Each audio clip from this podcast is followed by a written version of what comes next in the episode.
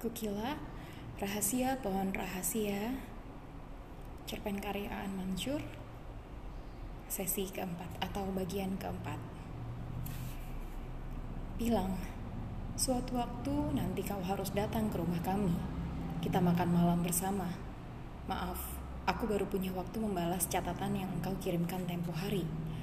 Kau betul, Rusdi lelaki baik, sangat baik Awalnya aku cemas harus menerima lelaki pilihan ayahku, tetapi kata-katamu di reuni telah memberiku sedikit kekuatan untuk mencoba menerimanya, mencobanya.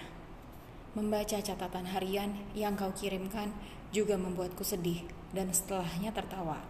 Cinta kita dulu yang kekanak-kanakan itu memang lucu, tetapi semua itu tentu tidak layak disesali.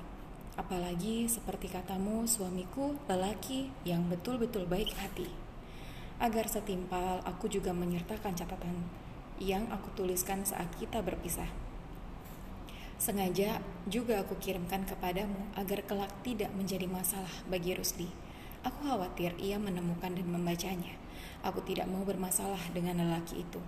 Sekedar untuk kau tahu, tulisan itu satu-satunya hal yang mengisi buku catatan harian yang kau hadiahkan di ulang tahunku. Dan tertawalah sebab Sungguh banyak hal lucu yang pantas ditertawakan dalam tulisan itu. Satu hal lagi, namaku dan namamu entah mengapa bisa persis sama dengan nama tokoh dalam cerita yang sering dikisahkan ayahku. Ini betul-betul menjadi pertanyaan yang tidak pernah mampu aku jawab. Mengapa bisa begitu? Mungkin kebetulan belaka.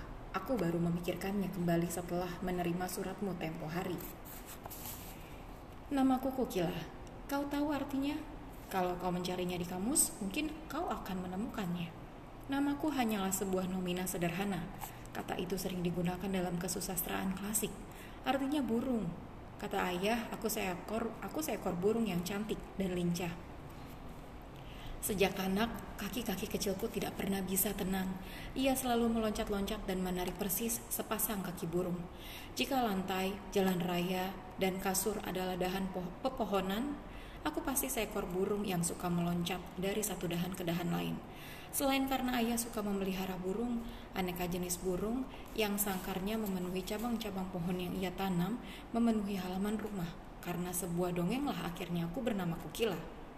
Aneh, aku susah mempercayainya. Kadang ayah memanggilku burung pipit, kadang burung dara, kadang burung hantu. Katanya aku memiliki sepasang mata burung hantu namun, sesungguhnya aku lebih senang jika ia menyebutnya gadis penari.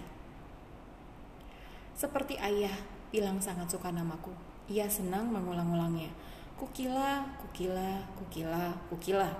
Ia menyebutnya seperti seorang dukun sedang merapalkan mantra-mantra. Jika Pilang bahagia atau meminta sesuatu dariku, ia akan melafalkannya tiga atau empat kali dengan sangat halus, nyaris seperti bisikan. Jika ia sedang marah, ia akan meneriakannya satu kali dengan sangat singkat, seperti sedang melemparkan sesuatu yang runcing ke batang pohon pisang. Menancap dalam, tetapi Pilang jarang marah, nyaris tak pernah. Kalau ia marah, pasti karena kesalahan yang betul-betul aku lakukan. Sejak tahu aku bernama Kukila, Pilang jatuh cinta kepadaku, katanya. Aneh, pikirku. Orang jatuh cinta hanya karena nama Pilang siswa paling tampan di sekolah, menurutku. Aku hanya seorang adik kelas yang terlalu sering mencari perhatian untuk mencuri perhatian dengan melintas di depan kelasnya saat menuju kantin. Selebihnya aku hanya seorang gadis pemegang juara harapan yang cerewet, seperti burung nuri. Pertanyaannya, kenapa Pilang menginginkan aku jadi kekasihnya? Hanya karena namaku kedengaran indah di telinganya? Tetapi tetapi sekarang, apakah penting aku ketahui mengapa Pilang jatuh cinta kepadaku? Tidak penting, cukuplah aku tahu bahwa ia menyukai namaku, dan mungkin betul karena itulah ia jatuh cinta. Toh sekarang ia sudah bukan kekasihku lagi. Pilang, namanya aneh, kau tahu artinya? Diam-diam aku pernah mencari namanya di kamus, di perpustakaan sekolah. Pada suatu hari, Ternyata kata itu berarti pohon yang tingginya bisa mencapai 25 meter. Dalam buku pelajaran biologi, ia bernama akasia Leucopolea, pohon akasia. Aku sangat menghafalnya. Sungguh serasi ya, aku seekor burung, ia sebatang pohon. Lucu. Itu kemarin, itu dulu, sudah berlalu. Seminggu lalu ia memutuskan untuk mengusirku dari dahannya. Entah karena apa, sialan. Sekarang aku harus merayakan Valentine sendiri saja. Aku sendiri di sini, di kamar ini, bersama kau. Catatan harianku. Padahal aku tidak suka dan tidak terbiasa menulis dan seolah-olah berbicara kepada lembar-lembar kertas. Bukankah ini tulisan pertamaku di lembaranmu? Seyogyanya malam ini aku sedang duduk bersama Pilang sambil me sambil menyeruput teh hangat dan penganan yang sudah susah payah aku pelajari cara memasaknya. Juga sebatang coklat yang ia janjikan. Tapi ia sialan. Pilang, pohon itu mungkin kini di dahannya sedang bertengger seekor burung lain atau tidak sekedar bertengger tetapi membuat sarang di sana. Apakah burung itu lebih cantik dariku? Kenapa Pilang tidak menunggu sampai Valentine berlalu saja dulu? Setelah itu ia boleh saja mematahkan rantingnya, tempatku bergelayut. Kenapa? Masih aku ingat sebulan lalu saat merayakan ulang tahunku bersamanya di kantin sekolah. Ia berjanji datang membawa kado untukku, lalu bicara banyak tentang apa saja. Tetapi, tetapi ia tidak menepati janjinya.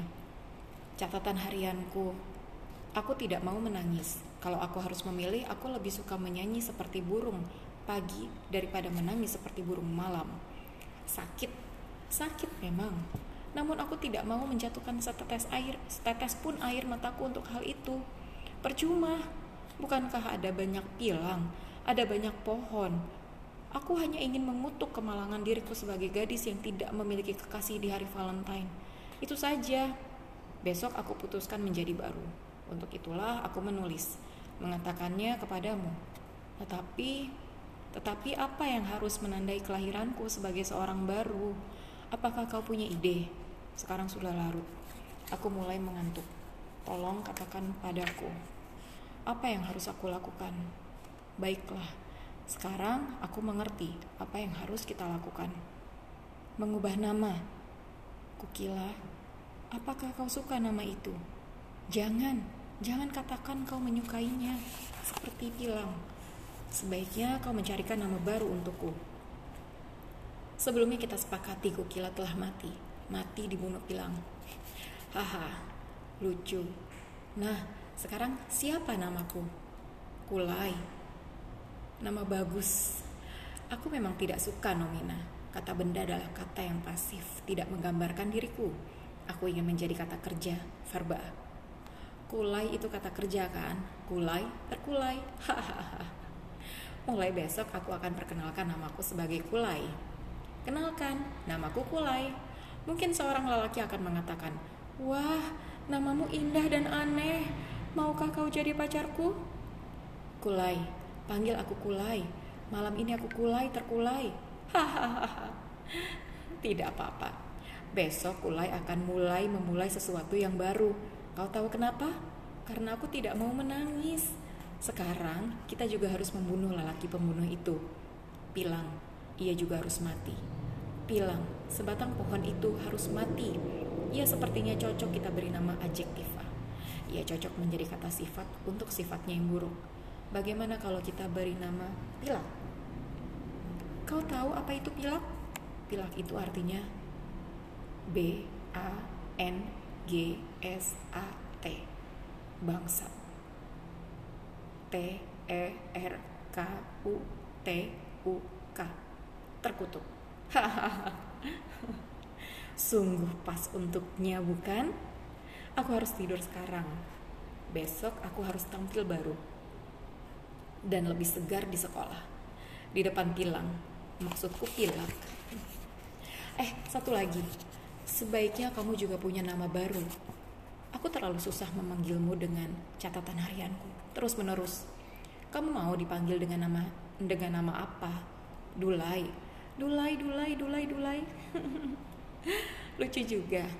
Selamat istirahat, Dulai. Oke, itu tadi pembacaan Kukila Rahasia Pohon Kukila cerpen karya Aan Mansur sesi atau bagian keempat di next podcast atau di podcast selanjutnya saya akan membacakan uh, Kukila rahasia pohon Kukila bagian kelima. Bye.